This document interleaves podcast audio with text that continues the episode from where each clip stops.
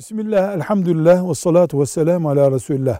Kurban bayramında veya başka zamanlarda et yemek için, adak için bir sebeple kesilen hayvanı kıbleye çevirmekten söz ediliyor.